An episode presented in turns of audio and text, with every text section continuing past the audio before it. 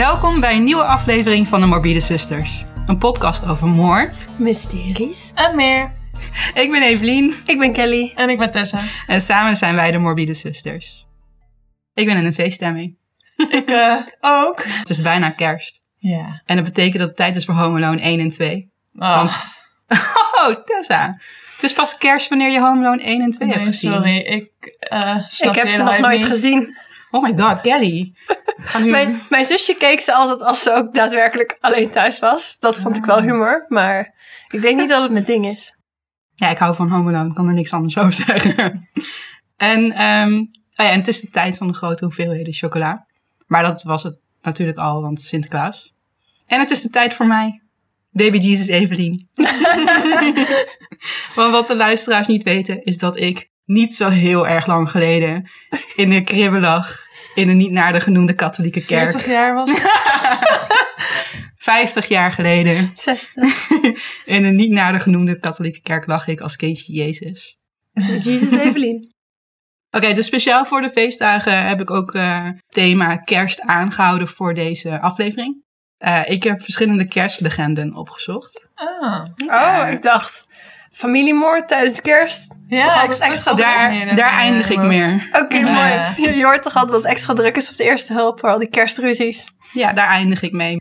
Ehm, nee, maar dus eh, meerdere losse verhalen. Eh, een beetje in hetzelfde thema als eh, onze Halloween-aflevering. en eindigend met een waar gebeurde misdaadsverhaal. Dus ik heb ook weer best wel veel verschillende bronnen gebruikt. En mocht je die graag willen lezen, dan kan je die vinden op de pagina van deze aflevering op onze website. Oh, ik ben best wel benieuwd of jullie deze verhalen kennen. De eerste gaat over de Sambeekse duivelsklokken. Het is een Nederlands verhaal. Nee. Nee. Ja, ik kende hem ook niet totdat ik ging opzoeken. Oké, dit verhaal speelt zich af in Sambeek, Dat, Noord-Brabant. dat überhaupt ken ik al niet. Waar, waar ligt het precies in Noord-Brabant? In de buurt van een plek die we misschien kennen? Sambeek is een kerkdorp dat valt onder de gemeente van Boksmeer. Oh, ja. Goed ingestudeerd. Het verhaal schijnt te stammen uit de late middeleeuwen. Eh, maar het is voor het eerst gepubliceerd ehm, in 1896 door een pastoor. En dat was pastoor Simonus. En Oh, eh, deze pastoor die heeft er zelfs een rijm van gemaakt. Oh, die wil ik wel horen. Ja, die heb ik uiteraard niet eh Dat opgezocht. verwacht ik trouwens wel van een kerstaflevering. Evelien. Alles, Alles een rijm. Dat is toch bij Sinterklaasafleveringen vooral goed. Nee, dat is in Nederland. Ehm, oh ja, maar dat eh, rijm, eh, die Ja, dat is de Grinch. Dr. Seuss. maar de rijm is geschreven in Boksmeers dialect. Dus vandaar Oh, ja, dat ik hem heb laten varen, Kelly. Ik had het wel willen horen. als het Twents was geweest, had ik het wel gedaan. Oké, het verhaal luidt als volgt. Rond het jaar 1500 eh, liet een Sambeekse pastoor een kerk bouwen, inclusief een toren en kerkklokken. Want daar bestaat een kerk natuurlijk ook uit. Eh, ondanks dat hij super trots was op zijn gloednieuwe kerk, vergat hij één ding: de klokken in te wijden. En dat Oh, is nee. schijnbaar was dat een, eh, een ritueel. eh, Echt Wat niet, oké. no bueno. Nee. En dat zou hem duur komen te staan. Want het wijden van nieuwe kerkklokken is namelijk een ritueel dat in de vorige eeuw nog werd uitgevoerd. Ja, ook in Nederland. In het kort komt het erop neer dat nieuwe kerkklokken gedoopt moeten worden. Inclusief bijhorende Peter en Meter. Ik heb ook een Peter en Meter. Wat is dit? Peter en Meter is dan peetante of eh peetoom. Dus bij de kerkklokken zit er ook een soort van peetante en een peetoom. Maar zijn dat dan andere klokken of mensen? Dat weet ik niet. Ik denk mensen. Maar ze krijgen net wel namen of zo, of niet? Dat ze... Het is wel een. Het is wel een doopritueel, dus het is wel eh, persoonlijk dan. Weet ik niet, ik kan me niks meer herinneren van toen ik gedoopt was. Toen was ik twee maanden oud. Maar je hebt wel een doopnaam, maar volgens mij krijgt die klok dan ook een naam. Ik denk het wel. Inwijden heeft als doel om de klok te vergeestelijken tot de machtigste stem van God en zo de invloed van de duivel te breken. Het is een behoorlijk uitgebreid ritueel waar veel bij komt kijken. Eh, pas na het afronden van het ritueel mag de kerk betreden worden. Want dan is het natuurlijk pas veilig, want dan is, er geen, eh, dan is de invloed van de duivel eh, gebroken. Voor die tijd als je naar binnen gaat, ja. Dan Dan komen we onze grootvriend tegen. tegen. Eh, maar goed, onze trotse pastoor was dit eh, behoorlijk belangrijke ritueel gewoon vergeten.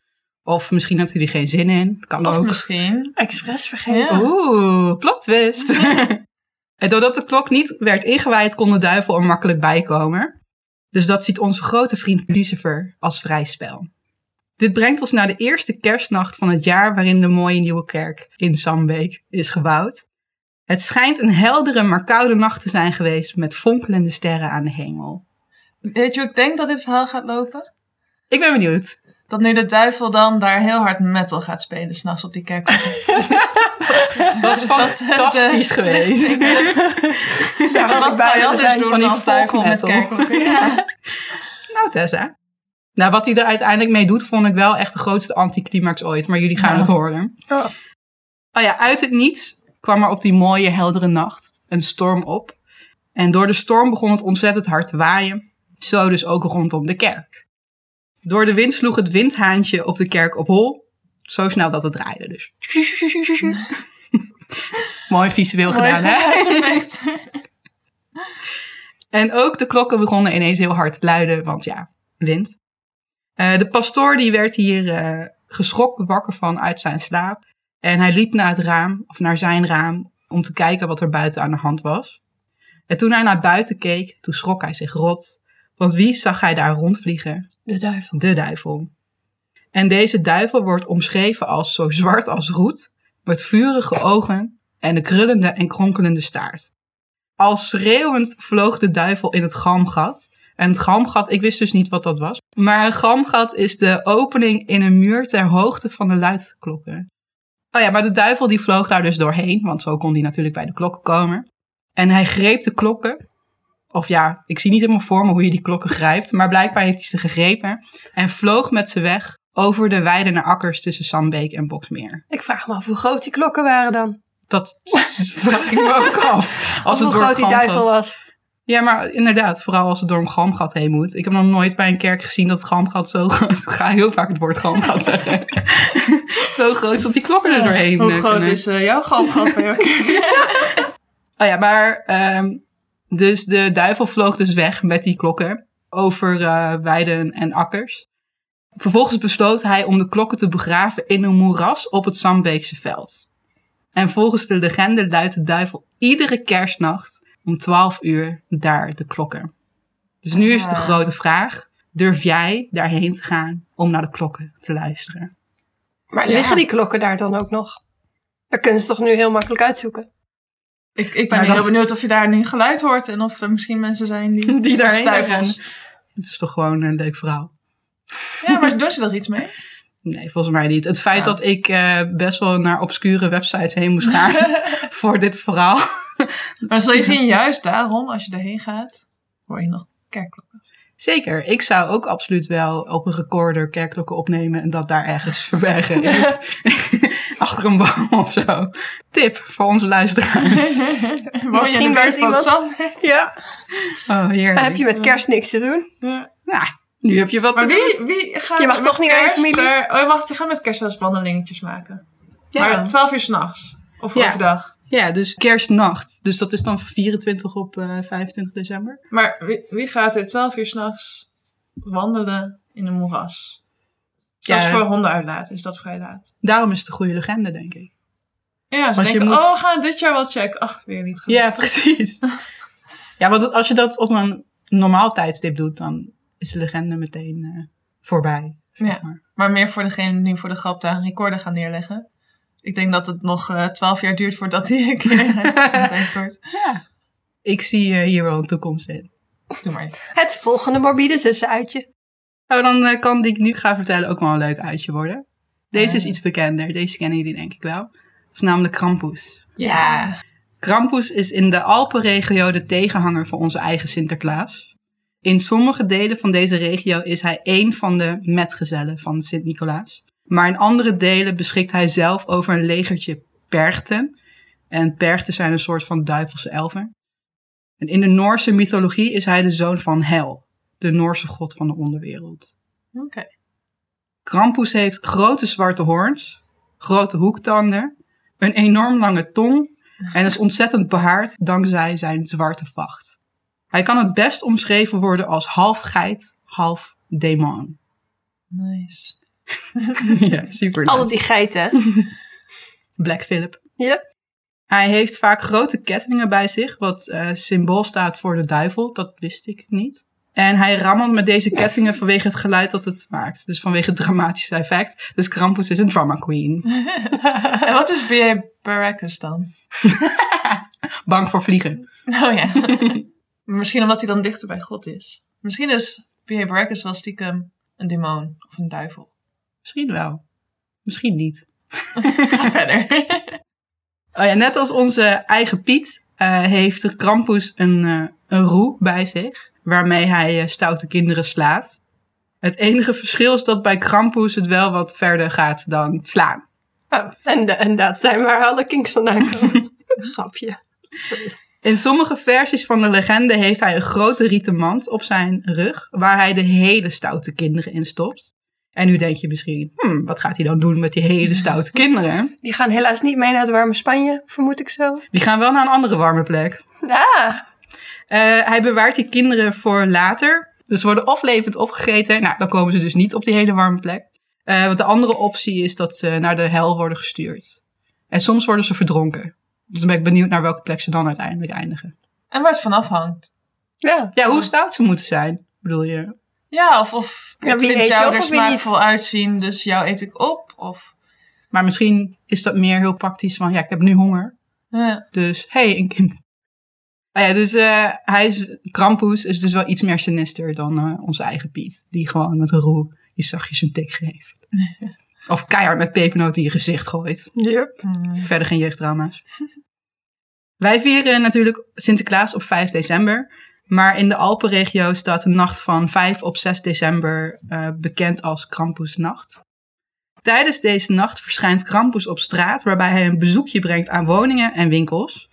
En uh, ja, wanneer hij dat dus doet, focust hij zich vooral op de hele stoute kinderen. En deelt hij dus naast zware fysieke en vaak dodelijke straffen ook steenkolen uit. Oh, ja, dat ken ik ook uit uh, Italië, ze dat ook. Maar dan is het een heks. Die steenkolen uitdeelt. Ja. Maar die kolen komen dit jaar heel goed van pas bij Sinterklaas. Heb je nu meegekregen? De boot stond vast, want Piet was de kolen kwijt. Nee. Nee. Sorry, Kelly. Ik heb neefjes en nichtjes. hè. Kreeg ik heel schattig de vraag, heb je het Sinterklaasjournaal gezien? Sinterklaasjournaal is vet leuk. Nee. Ze hebben het dit jaar echt heel goed gedaan. Ik was niet van plan om echt te cringe te zijn van de aflevering, maar ik heb ook echt een hekel aan Sinterklaas. Sorry. Maar terug naar Krampus. Ja, die. Die jij wat leuker vindt dan waarschijnlijk dan Sinterklaas. Ja. ja, want is dat dan ook snoep? Want in Italië is dan, krijg je zo'n kooltje, is dan snoepkooltje. Dus dat Nee, is dit toch zijn- wel leuk om te krijgen. Dit zijn steenkolen. Dus die, dus die kinderen krijgen ook echt letterlijk. Steenkolen. Ja, of ze gaan dood. Dus Of, eh, doe mij de steenkolen maar. Of naar hel. Maar leef je dan nog als je naar de hel gaat? Ja, dat is een eh, goede metafysische vraag. Oké, eh, maar net als heel veel andere tradities is ook Krampus gebaseerd op een heidens ritueel. Heidenen zouden zich vroeger in het midden van de winter verkleden als een duivelse figuur, die bekend staat als Percht. Dat heb ik net al kort eh, benoemd. En de Percht was een mensachtige geit met een girafachtige nek, die dierlijke bont draagt. Huh? Maar het is ook een dierachtige, dus Oké, dan heeft hij geen eigen vacht dus. ja, van wel- welk dier draagt hij dan het bont? het stond er niet bij. Is het een kannibaal-achtig? Dat is niet een kannibaal, want dan eet je het. Maar een andere geitenvacht? Of een nertse vacht? Of konijntjes? Hmm, nertsenvacht. Waarschijnlijk heeft hij dan nu corona. Ja. Ja. Als onderdeel van de zogeheten perchtenlaufs verkleden mensen zich in die tijd dus als deze duivelse figuur. En dit vormt nu nog steeds de basis van de Krampus-traditie. De katholieke kerk, hey, daar heb je ze, heeft overigens vanwege de gelijkenis en associatie met de duivel meerdere pogingen gedaan om eerst de perchtenlaufs eh, af te laten schaffen en vervolgens dus natuurlijk ook Krampusnacht te laten verbannen. Wat een partypoopers. Echt hè? Ja. Ja, overigens te vergeefs, want Krampusnacht wordt nog steeds eh, massaal gevierd. En dat kan dus een uitje voor ons worden. Leuk. Ja. Geheel volgens traditie gaan mensen in de Alpenregio in de nacht van 5 op 6 december verkleed als Krampus de straat op. Met als doel om anderen eh, bang te maken. Hè? En de kostuums zijn vaak heel erg uitbundig en gedetailleerd. Ik denk it. ook wel dat ze maanden van tevoren al gaan beginnen met eh, eh, het te maken natuurlijk. De basisschool het knutselwerkje. Oh ja, en het gaat dus nog wel wat, dat bang maken gaat nog wel wat verder dan alleen visueel. Dus alleen goede kostuums. Want ehm geheel volgens traditie hebben sommige mensen ook een roe bij zich. Waarbij ze vooral eh, toeristen vrij hard slaan. En mensen hebben commentaar op de Cape Pride. Maar sowieso heb je ook op een of ander waddeneiland bij ons, toch? En dat het dan vooral mensen die van buitenaf komen... Dat klopt. Maar Ja. welke is het ook alweer? Ja, goede vraag. Ameland, Ah, dat was... ik. Dat, ah, ik, ik heb hier de hele tijd terug een artikel over gelezen, inderdaad. Ja, ik weet ook niet of je... Volgens mij... Of als je daarheen gaat, ben je juist de slachtoffer. Of er wordt eigenlijk verwacht dat je niet die nacht daarheen gaat. Dat echt voor de Voor de eigen is. eh, Maar ik, ik weet niet meer precies. maar wie gaan ze dan martelen? Elkaar. Toch veel handiger vers bloed om te martelen. Ja. Ja. Maar ja, op een gegeven moment komt er dan natuurlijk niemand meer. Toch? ja, of juist wel. Ja, mm, als je, er zijn genoeg mensen die... eh, met een kink inderdaad. Ik ja. zei het toch. Ja. Ehm, nog even terug over Krampus. In de loop der tijd is hij ondergeschikt geraakt aan Sint-Nicolaas, aan Sinterklaas. Eh, waarschijnlijk om een beetje tegengeluid te geven. Waar Krampus zich focust op de stoute kinderen, focust Sinterklaas zich dus op de goede en brave kinderen. Maar dat is toch ook heel logisch, want wij als docenten weten dat eh, positive reinforcement werkt beter dan negatieve, dus het straffen. Ja, dan haal je er meer uit. En anders ben je alleen maar bang. precies. Dat was dus Krampus. En we hebben wel een leuk keer mee te maken. Volgens mij is het echt wel, eh Lijkt me ook wel lachen. Ja. Ja. Klein beetje carnavalsgevoel. Maar dan Nee, veel dat leuker, want scary Oh ja, costumes. ook een hekel aan carnaval.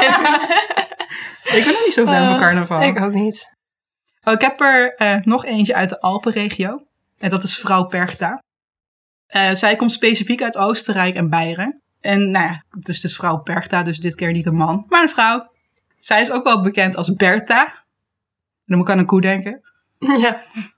Of de bijnaam, komt ie hoor, Spinstoebenvrouw. Oftewel, spinnenwielmevrouw. Ah. Nou, waar zou zij nou zich mee bezighouden? Oh.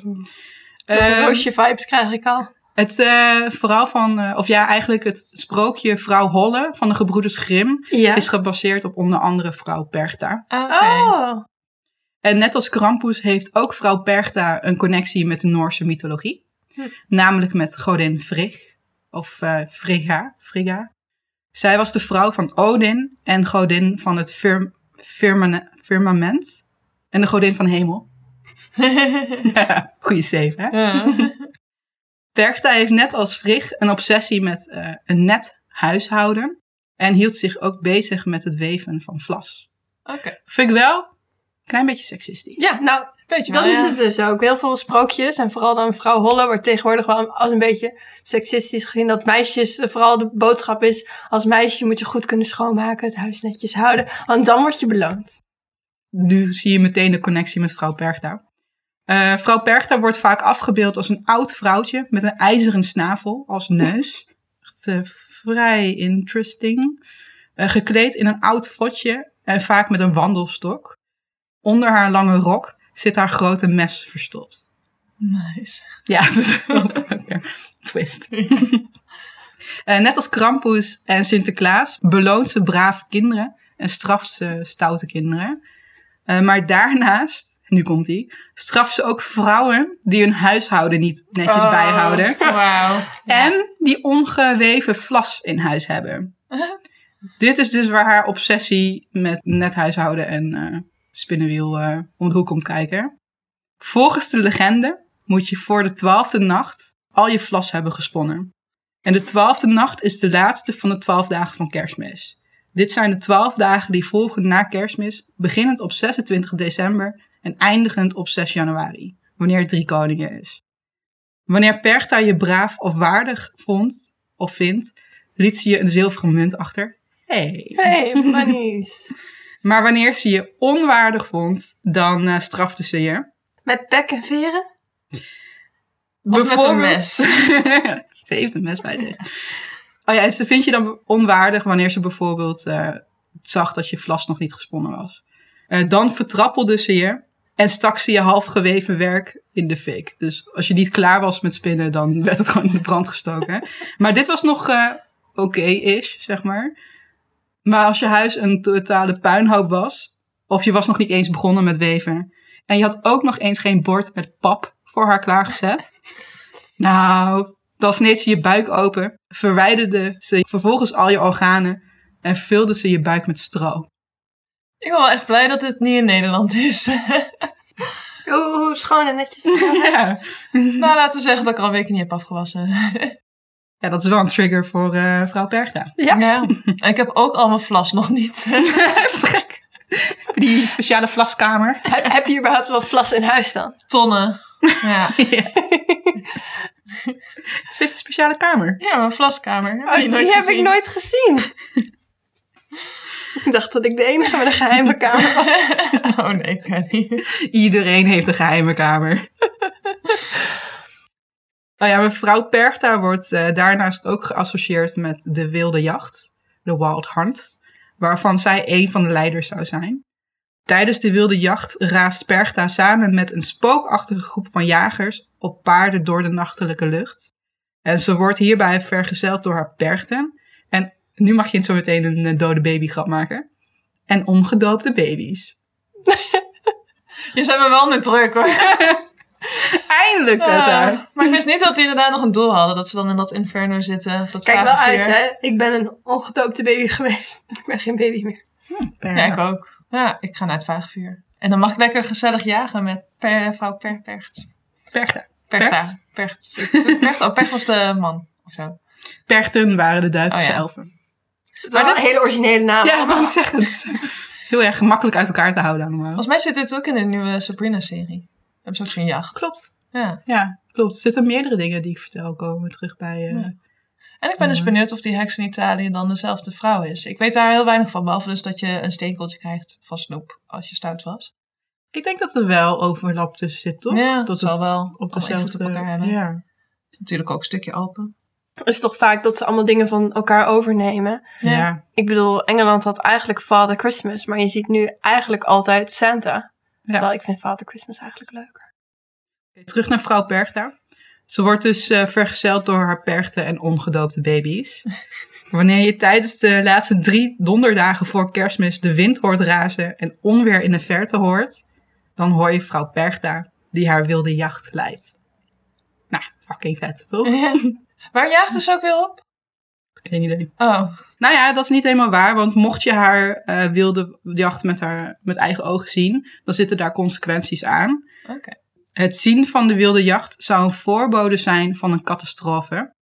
Denk hierbij aan oorlog of de pest. En ik heb hier achter gezet. Corona. Corona. Ja. Oh, wacht even. Corona begon wel een beetje einde van het jaar.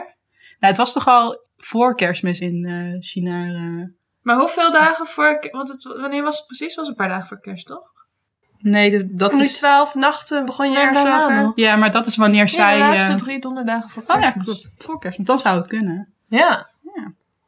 In China hebben ze ergens de jacht gezien. Oh ja, dus eh, als je de wilde jacht ziet, dan eh, kan het dus een eh, teken zijn van oorlog of de pest. Of in het beste geval de dood van degene die de wilde jacht heeft gezien. En dat is dan waarschijnlijk omdat oor- oorlog erger is ja. voor de hele Een soort maatschappij. zelfopofferen. Ja. Ja. Maar hoe ga je dan dood als je haar ziet? Oh, hartstilstand. Ja, die dode baby's, eh, die... eh, Die komen halen. Eh, maar het kon ook betekenen dat je ontvoerd werd en werd meegenomen naar de onderwereld.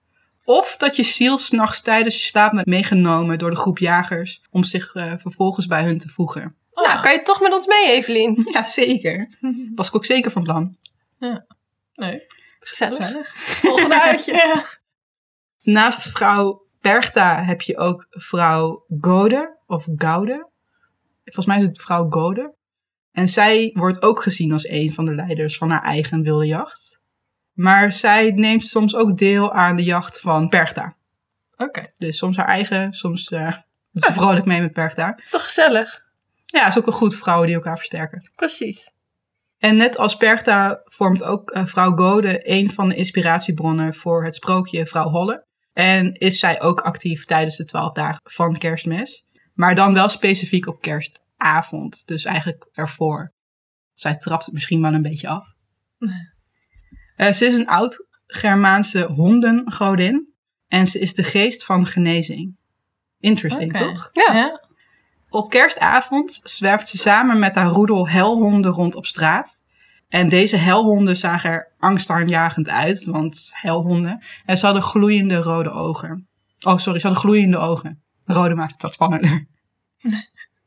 dat rondzwerven doet ze trouwens in een ouderwetse rijtuig. Dus ze loopt niet met haar roedel, ze zit in een rijtuigje. En haar helden- stand. In plaats van, eh, hoe heet ze, pergta met haar vodje aan. Ja. Maar ik denk dat het fotje zie je er wat minder eh, bedreigend uit misschien. Ligt eraan uit welk milieu je komt. Oké, dus ehm, ze zwerft eh, rond in een ouderwets rijtuig. En haar helhonden waren echt super nieuwsgierig. Bloedirritant. Want die gingen zeg maar alles afsnuffelen en zo. En daarom werd ook geadviseerd dat je je ramen en deuren en alles zo dicht mogelijk moest houden. Deed je dat niet, dan kwamen de helhonden bij je binnen. Het scheelt dat het dan koud is. Dan Oh, heb je toch al je ramen en deuren al dicht. Precies. En ja, de reden ook dat ze bij je binnenkomen, die helhonden, is dus omdat ze afkomen op de warmte in je huis. Dus als er eentje bij je binnenkomt, of ja, binnenglipt eigenlijk eerder, dan eh, gingen ze bij het vuur, dus open haard, of de verwarming zitten. En wanneer je de hond dan met rust laat, is er niks aan de hand. Maar mocht je besluiten om de hond weg te jagen, dan eh, was er wel wat aan de hand. Dan zal de hond je namelijk aan stukken scheuren. En dat is niet eens het ergste wat kan gebeuren. Want dan ben je er nog makkelijk vanaf, want dood. Dat gaat redelijk snel op met zo'n hond. Precies. Omdat spookhonden eh, niet gedood kunnen worden, eh, levert dat altijd wel problemen op. Dus doe je toch een poging om ze te doden, dan veranderden ze in steen. Maar elke nacht om klokslag 12 uur komen ze weer tot leven. En je kan dan van alles proberen met de steen, om het buiten neer te zetten of om het te breken of wat dan ook. Maakt niks uit, want elke nacht zal die hond weer terugkomen.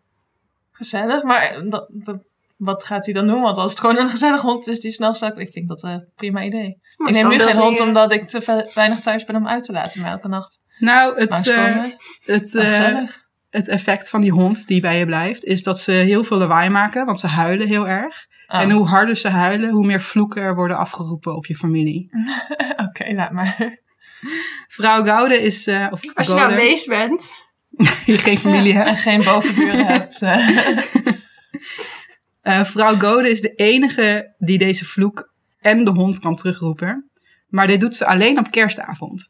Ah. Dus één keer in het jaar heb je de kans om er dan af te komen. De rest van het jaar zit je vast aan het beest. Ik ben benieuwd wel hoeveel vloeken je dan aan het einde van het jaar hebt. Ze hadden grote families in die tijd. dat scheelt, dan worden ze nog een beetje verdeeld. Oké, maar waarom eh, doet ze dat dan alleen op kerstavond? Die vloeken eh, verwijderen, of, of ja, verwijderen is het eigenlijk. Dan zijn die honden toch met haar. Nou ja, als je van je vloek dus wilt afkomen, moet je dus op kerstavond thuis zijn. Want dan komt ze bij je woning. En dat betekent dat je niet naar een kerkdienst heen kan gaan. Want, je, moet, Ah. want je moet thuis zijn op kerstavond. En op die manier probeert eh, vrouw Gode opnieuw eh, in verering te komen. Ah. Overigens beloont ze de mensen die haar goed doen met cadeaus en welvaart. Want ze wil gewoon vereerd worden. Ja. Dat is haar hele doel.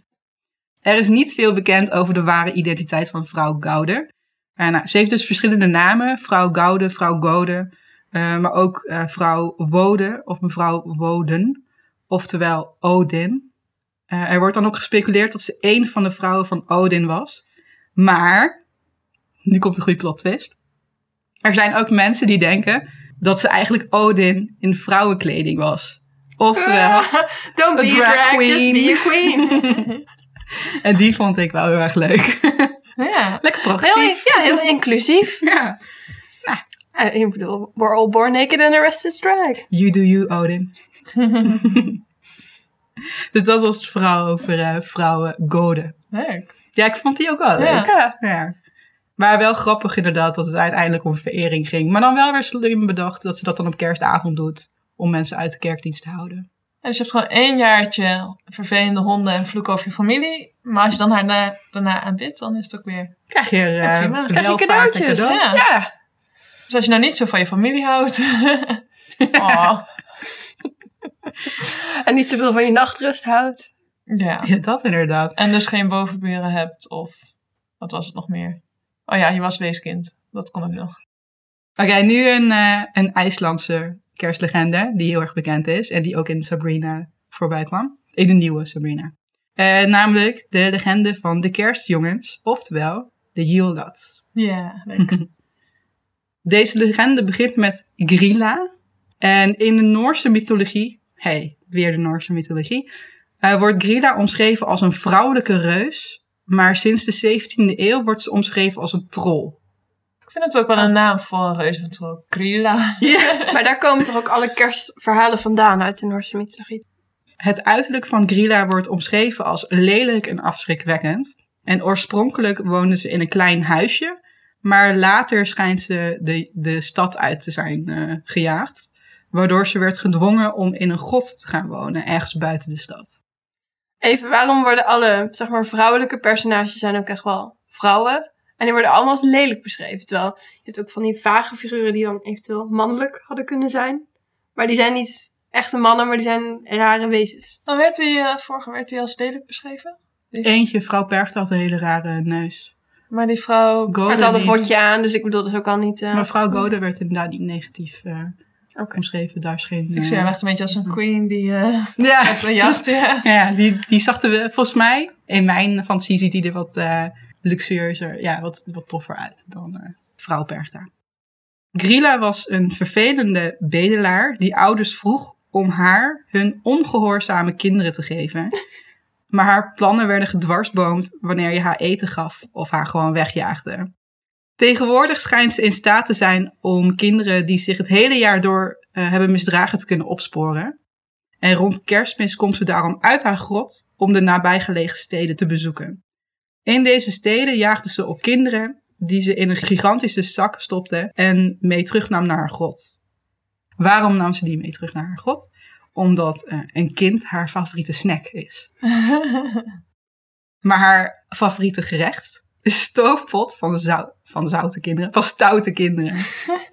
ja, dat zal vast beter smaken dan goede kinderen.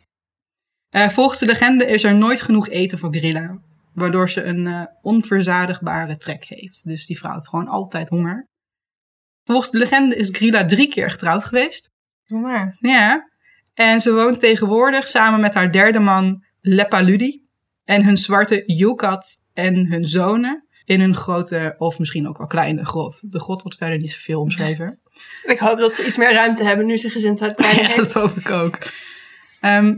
Lepaludi zie je alleen niet buiten verschijnen, omdat hij vanwege zijn luiheid zoveel mogelijk thuis blijft in hun grot. Worden mannen daar ook voor gestraft, voor luiheid? De kat van, de, van het gezin, dat is de Yule-kat, wordt omschreven als een enorm grote en valse kat.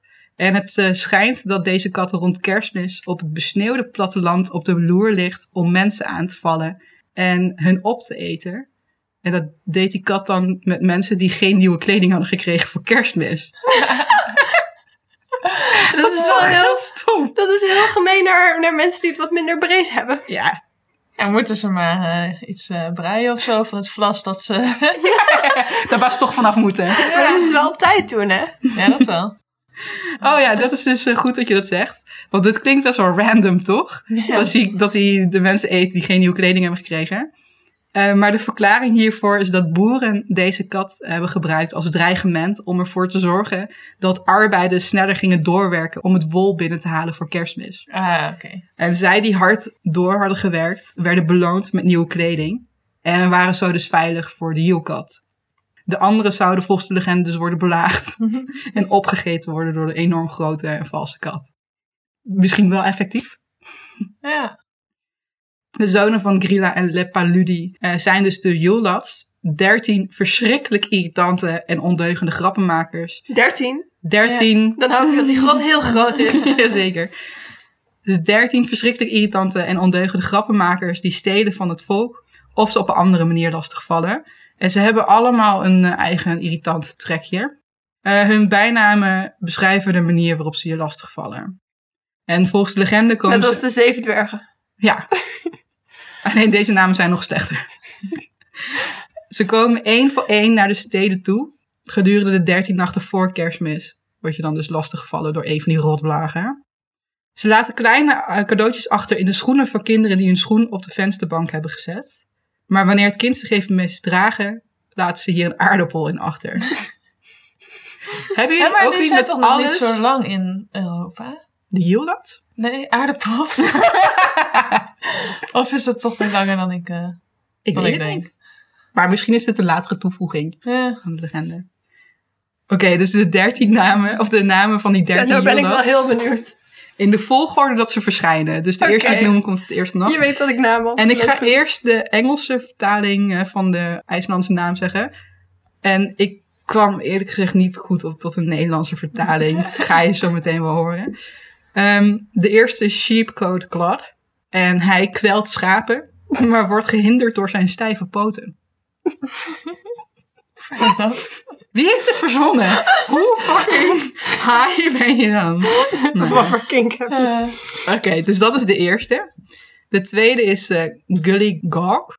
En hij verbergt zich in Geulen, waar hij wacht op het juiste moment om een koeienstal binnen te sluipen en melk te stelen.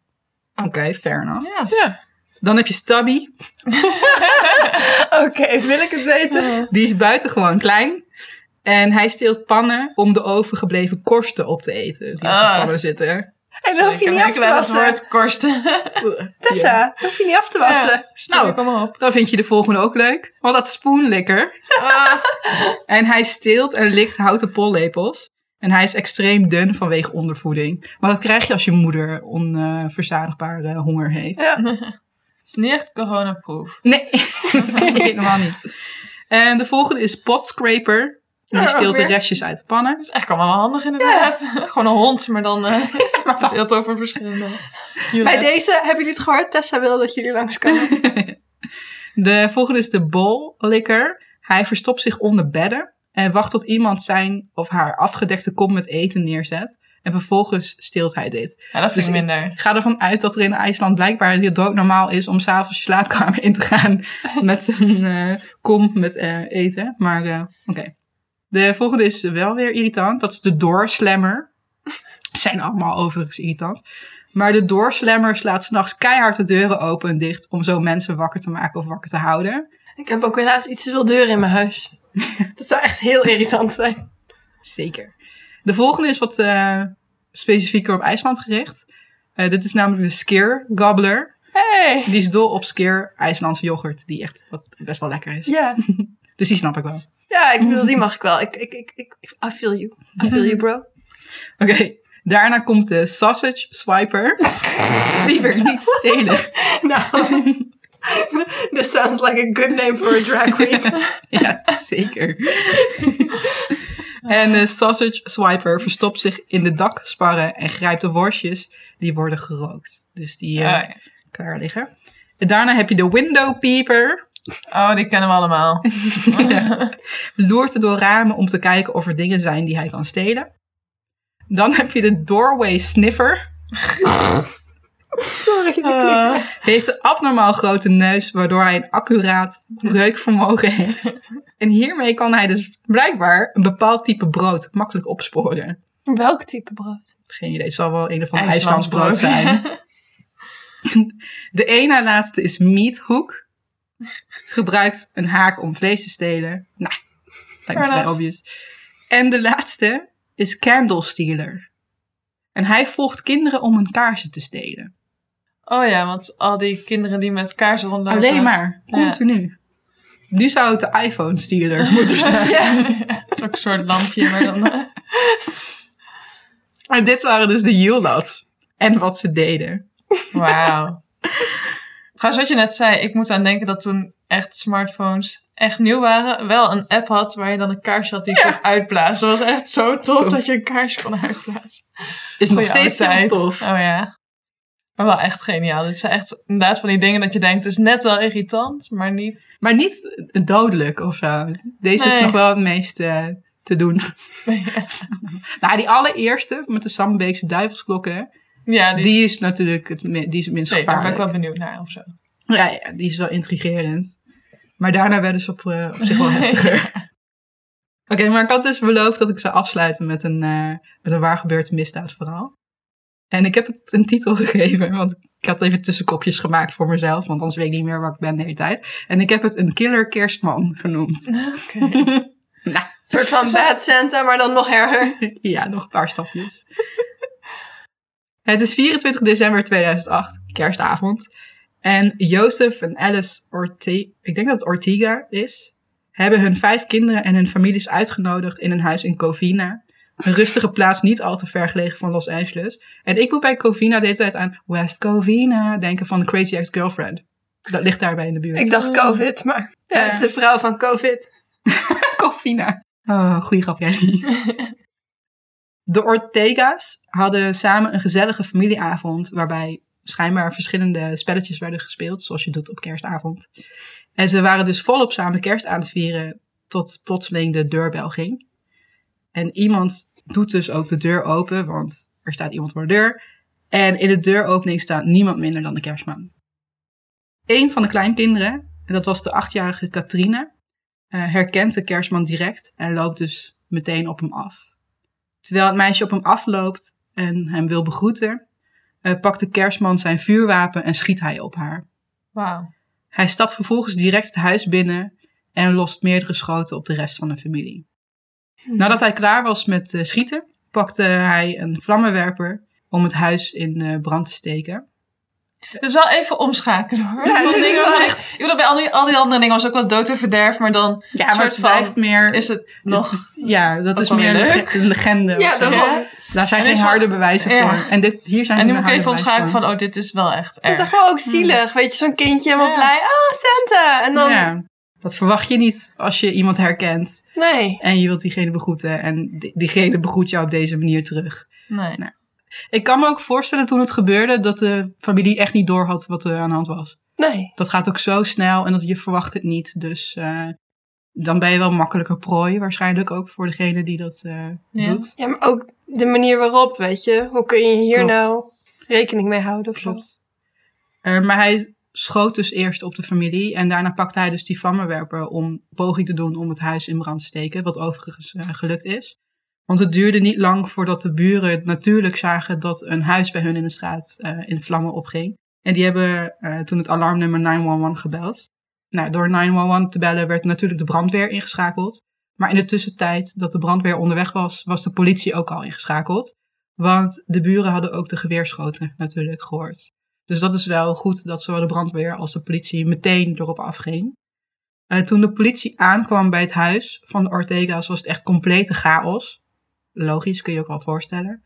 Het lukte al wel vrij snel om drie van de familieleden te lokaliseren. Dat was namelijk Letitia, een van de dochters van Jozef en Alice. Eh, haar man hadden ze ook gevonden en hun dochter. En hun dochter was dus Katrina, het achtjarige meisje die de kerstman wilde begroeten. Het was hun dus gelukt om uit het huis weg te glippen en naar de buren te vluchten. En daar hebben ze dus ook aan, eh, uiteraard aan de bel getrokken. En Katrina... Oh, ze zijn gevonden. Ik ging er eigenlijk automatisch van uit dat ze zijn... Nee, zij werden levend gevonden. Ja. Ja, dat vind ik ook nog wel wat dat, dat, dat die Katrina dat dan overleefd heeft. Ja. Nou ja, zij werd dus wel zo snel mogelijk naar het ziekenhuis gebracht in verband met haar wondingen, Ja. verwondingen.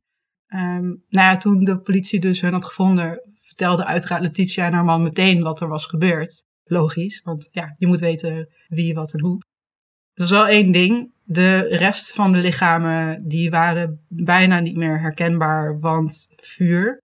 En voor de politie was het dus enorm lastig om hun te identificeren. En dat kostte ook best wel wat tijd. Ja. Uiteindelijk bleek dat negen van de familieleden die avond zijn vermoord. En ik ga ze één voor één eh, opnoemen. 80-jarige Joseph was gevonden. De 70-jarige Alice. De Wel een 52-jarige... grote eh, leeftijdscap, toch? Die, die waren toch samen? 10 jaar. Ja, zij waren de, de patriarch en de matriarch. Eh, de 52-jarige Theresa. De 51-jarige James. De 49-jarige Charles. De 46-jarige Alicia. De 45-jarige Sherry Lynn. De 43-jarige Sylvia. En de 17-jarige Michael. En bij de autopsie bleek dat de familieleden waren beschoten met een 9 mm handgun, handgeweer. Terwijl de politie in Covina druk bezig was met het oplossen van de massamoord, want het is gewoon een massamoord, Ja. eh, trof Brad Pardo in zijn huis in Silmar. En Silmar is een wijk ergens in Los Angeles, niet al te ver van Covina vandaan. Maar hij kwam dus thuis na een kerstfeestje en hij trof zijn broer Bruce Pardo daar dood aan in zijn huis. Oh. Oké. Ja, dus dat is wel een beetje vreemd. Nou ja, natuurlijk, eh, Brad Pardo belt meteen de politie op. Van, hé, hey, eh, mijn broer ligt hier dood. En nou, de politie kwam er meteen aan. En toen de politie daar eh, aankwam, zagen ze dat Bruce een 9 mm schotwond had aan zijn hoofd. En er werd ook gevonden met een 9 mm handgun in zijn schoot. En op de vloer lag daarnaast nog een 9 mm handgun. Al snel kwam de politie erachter dat Bruce een ex-vrouw had. En die heette Sylvia. Ze kwamen er toen ook achter dat Bruce en Sylvia zes dagen voordat dit gebeurde, waren die officieel gescheiden. En de connectie met de Ortega's werd al snel gelegd, want Sylvia's meisjesnaam is Ortega. Oh. Zij was één van de kinderen van Joseph en Alice. En zij was ook één van de slachtoffers die ik net heb uh, opgenoemd. Um, de volgende dag, op eerste kerstdag, vertelde Letitia, die het dus had overleefd, aan de politie dat ze de kerstman ondanks zijn vermomming uh, wel had herkend. Want het was namelijk haar ex-zwager Bruce Pardo. De politie onderzocht het huis van Pardo verder en concludeerde dat zijn auto overeenkwam met de auto die eerder die avond door de buren van de Ortega's was gespot. En toen ze de auto gingen checken, zagen ze dat er een uh, kerstmanpak in lag en achtelijk veel munitie. Ja, nog wel één ding. Dat checken van de auto ging niet per se heel makkelijk, want Pardo had zijn auto gebooby-trapped. Oh. Ja, wanneer het kerstmanpak werd opgepakt, ging er een zelfgemaakte bom af. En gelukkig raakte niemand hierbij gewond, want de bom is wel afgegaan. Op het lichaam van Pardo werden derde graadse brandwonden gevonden. En uh, sommige delen van zijn kerstmanpak waren samengesmolten met zijn, mm. uh, met zijn huid. Dat krijg je polyester, hè? Uh, de politie vermoedde dat Bruce Pardo in eerste instantie geen zelfmoord wilde plegen. Want hij had ook nergens een briefje of iets achtergelaten. Dus die conclusie hadden ze al vrij snel getrokken. Dit vermoeden werd dus ook bevestigd toen een vreemde, ja, het was gewoon een man, een random man, die had een melding gemaakt van een vreemde auto die voor zijn huis stond geparkeerd. Nou, de politie ging natuurlijk even checken wat die auto was. Toen bleek dat een huurauto te zijn, die was gehuurd door Bruce Pardo. En daarin zat eigenlijk zijn uh, vluchtkit. Een computer, kleding, water, eten en een map van de Verenigde Staten en Mexico. Dus de politie gaat ervan uit dat Pardo van plan was om op de vlucht te slaan naar uh, Mexico. De vluchtauto werd zo'n 150 meter van het huis van de echtscheidingsadvocaat van Sylvia gevonden. Dus vermoedelijk wilde Pardo eerst de advocaat wat aandoen om daarna te vluchten. En de reden hiervoor is dan waarschijnlijk dat uh, de scheiding tussen Pardo en Sylvia behoorlijk moeizaam uh, verliep. Mm. Want ze waren dus zes dagen voor kerstavond officieel gescheiden, maar in juni 2008 werd Pardo opgedragen om 1785 dollar per maand aan alimentatie te, te betalen aan Zo. Sylvia. En een maand later verloor hij zijn baan, omdat zijn baas erachter was gekomen dat hij uren factureerde aan klanten die hij niet had gewerkt. Dus die uren had hij niet gewerkt. Ja, dat, uh, dat is fraude natuurlijk. Ja. Nou, blijkbaar was dit dus genoeg tegenslag voor hem om compleet geobsedeerd te raken met de scheiding. En hij wilde wraak nemen op Sylvia. Maar het was niet genoeg om alleen haar te doden. Hij wilde gewoon alles van haar afnemen wat haar lief was. If I can't have her, no one will. Beetje cliché. Ik denk dat het nog iets verder gaat dan dat. Ja? Ik denk niet dat het gaat om haar per se, maar gewoon... Hij heeft heel veel tegenslag en zij is een onderdeel daarvan. Ik denk niet dat hij een obsessie met haar zelf had, maar meer met wat de scheiding met hem deed. Maar zo raar dat dat dan... Vat, ja, ik had op Reddit gelezen uiteraard dat de mensen waren van ja, nou ik snap wel dat hij was geflipt, want er wel veel tegenslag. En toen ging ik dus kijken wat de tegenslag was. En toen dacht ik, je bent je baan verloren door je eigen schuld. Ja. Dat heb je echt compleet zelf veroorzaakt. Dat Misschien is... is... dat dan wel weer die druk van, oh, ik moet alimentatie betalen, maar ik heb het niet. Dat dus ik moet kunnen. er niet aan geld komen. Niet dat dat dan enige Nou, dat zou, excuus is. maar Maar, qua timing zou dat kunnen, Ja. omdat het een maand later eh, Ja. werd hij ontslagen. Maar goed, dan is de vraag of hij die acties al eerder had uitgevoerd of echt in die maand. Dat, dat je niet, nee. weten we inderdaad niet. Maar nog kerst steeds. en aantocht waar je dan alleen bent. En Ja. Kijk, dat is, ik snap dat je echt heel erg fucked up bent, maar niet dat je dan... Dit is wel dan nog een hele grote stap. Ja, dat vooral. Dat Ja. denk, dan is, is er wel iets mis, zeg maar. Maar dat er dan mensen op Reddit waren die dan ook nog empathie Ja. hiervoor hadden, voor deze actie, dat, dat Nee, ging dat er bij mij echt niet niet. in. Ik bedoel, er zijn genoeg mensen die heel veel tegenslag in hun leven hebben. Die gewoon, Die gewoon doorgaan met Ja, hun leven. ja. die misschien wat hulp nodig hebben, die er een beetje doorheen zitten. Maar dan hoef je nog geen moord te plegen. Ma massamoord ook. Massamoord, dat inderdaad. Want dat is hem dus wel gelukt om alles van zijn ex-vrouw Sylvia af te pakken. Ja, Want het is wel heeft- heftig dat zij het dan ook overleeft. Of nee, Nee, zij heeft zij het heeft niet niet overleefd. overleefd. Dat was haar zus. Dus op die bewuste kerstavond in 2008 pleegde hij dus de massamoord in de hoop zijn complete ex-schoonfamilie uit te roeien. Toen hij dat dus deed, want hij belde aan in het kerstman-kostuum. en hij begon dus met schieten, wat ik al vertelde. Maar op een gegeven moment ging hij toch over op die vlammenwerper. Ja. En Dat deed hij dus omdat zijn ammunitie op was, dat hij bij zich had. Dus daarom pakte hij zijn zelfgemaakte vlammenwerper. Zelf gemaakt, daarom is hij waarschijnlijk zelf ook verwond geraakt. Eh, nee, want eh, wat hij niet wist is dat er al open vuur aanwezig was in het huis. En dat heeft ervoor gezorgd dat er explosie kwam. Oh. En daardoor werd dus zijn originele plan om te kunnen vluchten gedwarsboomd. Want hij raakte natuurlijk zelf ook zwaar verwond. Ja. En het was hem dus nog wel gelukt om naar zijn broers huis heen te rijden. Misschien dat hij ook wel dichterbij woonde dan eh, zijn eigen huis op dat moment. Dat kon ik niet vinden. Maar vanwege zijn verwonding is hij dus naar het huis van zijn broer gegaan om daar zelfmoord te plegen. Dat is dan ook de conclusie dat hij het zo heeft, eh, uiteindelijk heeft aangepakt. Maar wat ik hier wel. Ik ben wel blij om te lezen dat de politie meteen heel goed geschakeld heeft en de brandweer. En Precies. ja, ik bedoel, de lijntjes waren wel snel gelegd volgens Ja. mij. Maar wel, eh, ik vind het, ja, die stap zo groot. Van, oh, Ja. ik heb tegenslag. Oeh, laat ik een hele familie uitroeien. Ja. Maar dan, dan was er eigenlijk al eerder iets mis. Dat kan niet dat, je- dat je dat het eerste is wat je doet. Ja, ik kon ook nergens wat vinden, als ik heel eerlijk ben, over de reden van de scheiding. Als Ja. hij heel erg abusive of zo was, dan is dit inderdaad eh, iets wat in het verlengde daarvan ligt. Maar daar, Precies, daar dat kan vermoeden ik geen- heb ik. Ja, ik kan daar inderdaad geen uitspraak over doen, want ik heb daar geen bevestiging eh, in gevonden. Maar eh, ik vind het wel heel heftig. Ja, het is sowieso heel heftig. Maar er zijn dus niet de hele familie was die avond aanwezig. Dus er zijn kinderen die het hebben overleefd, maar hun ouders zijn overleden. Dus er zijn een aantal kinderen wees geworden naar aanleiding van eh, deze, goed, gewoon Actie. deze achterlijke actie. Dus ja, het, het heeft heel veel impact. En er was een artikel en dat ging over Letitia, die erover praatte. En, eh, van een, volgens mij wel een paar jaar geleden. En ik, vond het ook, ik vind het wel knap. Ik vind het wel knap hoe heel veel mensen met dit soort situaties omgaan. Want het is een gigantisch trauma. Ja. Maar je moet, wat jij net al zegt, Kelly, je moet verder. En ik zie Letitia niet eh, in één keer een, een schoon familie overhoofd knallen of zo. Dus ja. Insane. Ongelooflijk sterke vrouw dus. Ja, zeker. En haar kindje heeft het overleefd. Ja. Katrina, ja, dat is- Maar het lijkt me ook wel traumatisch voor haar. Ik zou daarna nooit meer durven Nee, naar de kerstman. gaan, hoor. Maar ook nooit meer Naar de de kerstman kerstman. willen zien. Nee, maar ik zou ook echt niet meer een deur zomaar openen. Als iemand aanbelt de deur Sowieso openen. eh, niet Dat, zo snel. dat deden wij sowieso niet, inderdaad.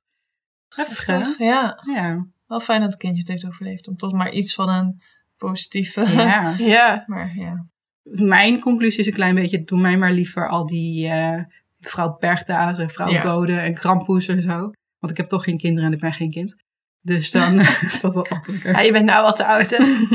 Eindelijk. Eindelijk volwassen. Maar Ja. goed, eh, wat je net al zei, Kelly, het, eh, kerst is een moeilijke tijd voor veel families. En daar, daar gebeuren er ook dingen. Maar je hoopt En natuurlijk mensen niet. beginnen soms al met drinken, met het ontbijt. Met lekker Ja. eggnog. Met heel veel rum, wat ook nodig is. Ja, dat krijg je het echt niet weg. Oké, maar ik had voor de Halloween aflevering had ik filmtips meegegeven. En ik heb er drie voor, eh, voor met de Oh, kerstdagen. Geen Home. Alone 1, Home Alone 2. Over hem, Oké. Home Alone 3 praten we niet. Nee, het zijn natuurlijk wel een beetje wat engere films, want wij zijn een morbide podcast. De eerste is Black Christmas uit 1974. En die heb ik afgelopen zomer voor het eerst gezien. En ik vond hem echt, ja, ik vond hem echt super tof. Maar waar ik dus achter kwam, is de, er is een beetje onduidelijkheid over wat nou de echte eerste slasher is. Weet je wel, de slasher zoals we hem nu kennen. En ik dacht dus dat dat eh, de film Halloween was. Ja. Maar het schijnt dat Black Christmas dus de eerste is. Dus Oh. ik zeg hierbij, het is één van de eerste echte slashers. Goed ingedekt. de tweede is eh, Gremlins Oh, ja. uit 1984. En dat is vooral echt super camp. En het is echt een B-film. En ik heb hier gigantisch veel jeugddrama aan overgehouden. maar ik ging hem een tijdje terug opnieuw kijken. Toen dacht ik, ja, het is ook wel gewoon een grappige film. Maar hij is wat minder leuk wanneer je zes bent. Dat geloof ik best. En de derde die ik wil aanraden, die mag niet ontbreken. Want dat is Krampus uit 2015. Maar die heb ik nog niet gezien. Dus ik, ik, heb, het, niet, ik- maar dat weet ik niet. Ik heb het idee dat er niet zulke goede reacties op waren. Maar ik, weet heb het hem nog niet gezien. dus ik heb het wel meegekregen inderdaad dat hij uitkwam. En ik heb Ja. er toen wel over gelezen, maar ik heb hem niet gezien. Nou, de reden dat ik hem wil zien is dus vooral naar aanleiding van het voorbereiden van deze aflevering. Ja. Omdat ik dan best wel benieuwd ben, ben naar hoe ze dat eh, hebben verwerkt erin. Wat ze mee hebben gedaan, ja. Ja. En een andere waarvoor het eigenlijk al te laat is, wanneer deze aflevering uitkomt, is Sint. Waarvan ik even kwijt ben in welk jaar die is uitgekomen. Die is nog niet zo oud. film? Ja, Ja. van, eh hoe heet die? Volgens mij is Dick Maas of zo, toch? 2010 of 2011. Ik heb hem gezien namelijk toen die uit was gekomen. Het is niet een hele goede film. Wel vermakelijk. Oké. Dit waren verschillende verhalen die te maken hebben met kerstmis. En de ene is wat, eh, wat vrolijker dan het andere Ik verhaal. ben wel blij dat we iets vrolijker eindigen. Want joh, dat laatste verhaal ja, er is vrij heftig. Ja, Nou, het verbaast me dat daar nog niet een, eh, een filmvariant van is gemaakt. Misschien is dat er wel hoor. Maar ja, of dat daar een- zo'n, weet je wel, zo'n aflevering van zo'n Ja, nou, het, serie het als... zou Ja. zomaar kunnen dat Criminal Minds een aflevering heeft, maar ik weet niet meer zeker of dat met eh Santa was. Maar hopelijk vonden jullie het leuk. Want normaal hebben we natuurlijk gewoon over het algemeen één verhaal eh, te vertellen. Maar het leek me leuk om voor de kerstdagen een keer meerdere verhalen te doen. Ja, ik vond het vooral ook leuk, want ik kende wel een aantal verhalen, dus dan, ik dacht van tevoren, oh, misschien ken ik ze allemaal, maar er zit toch ook altijd weer wat bij. Welke waren voor jou het eh, meest verrassend? Eh, die vrouw Goat, ken ik niet. En, en die, ja, die andere vrouw ook, ik weet even haar naam. Perchta. Perchta, die, die allebei. Maar die lijkt dus wel weer op die heks uit Italië. Maar de rest ken ik wel een beetje. Ik denk dat vrouw... Oh, en de en Sam... Sams, de, Sams, namen. de Samsbeek... de Samsbeekbellen, ja. Sambeekse... Sambeeks was volgens mij. Sorry, mensen uit Brabant. maar die ene die het meest interessant vond, was ook wel het meest eh, eh, optimistisch uiteindelijk. Het meest positief. Ja. Ja. Minst, minst het echte zware dood en verderf. Maar vooral dat ik die nog niet kende. Ja. Ik vond het ook echt wel grappig dat het connecties had met vrouw Holle. Ik was vroeger Mhm. heel erg geïnteresseerd in sprookjes. En heb ook van heel veel sprookjes het originele sprookje gelezen. Moet je niet doen als je heel jong bent. Word je heel verdrietig van. Ja. En wat vooral mij opviel, is dat ik uit heel veel verhalen dingen herkende van onze eigen tradities. Ja. Ja. En dat De dacht ik van ja. en, eh, Ja, precies. Ja. Ik dacht van, oh ja, makes sense. Want uiteindelijk is het toch een melting pot van, eh, van alles en nog wat. Precies. Luister je naar ons in de Apple Podcast en wil je ons een beetje steunen, dan geef vooral een 5-star review en laat misschien ook een berichtje achter. En eh, je kunt ons ook volgen op social media. We hebben Instagram, Facebook en Twitter. Op Instagram en Facebook zijn wij De Morbide Zusters. En op Twitter Morbide Zusters. Volg ons daar vooral en eh, daar krijg je ook tips en hints over de volgende aflevering. En verder hebben we ook een website, www.demorbidezusters.nl. En hier kan je voor elke aflevering het script vinden en natuurlijk de bijhorende bronnenlijst. Voordat we echt afsluiten wil ik onze luisteraars fijne feestdagen toewensen en alvast een veilige en fijne jaarwisseling. En onthoud, niet zomaar de deur open doen wanneer je niemand verwacht die aanbelt. En natuurlijk je huis netjes houden en al je vlas spinnen. Vooral je, vooral je vlas spinnen in je Ja. vlaskamer. Ik eh, ga vast beginnen. Dat is alleen voor vrouwen hè? en een net huis hebben. Dit waren de Morbide Zusters. Tot volgend jaar.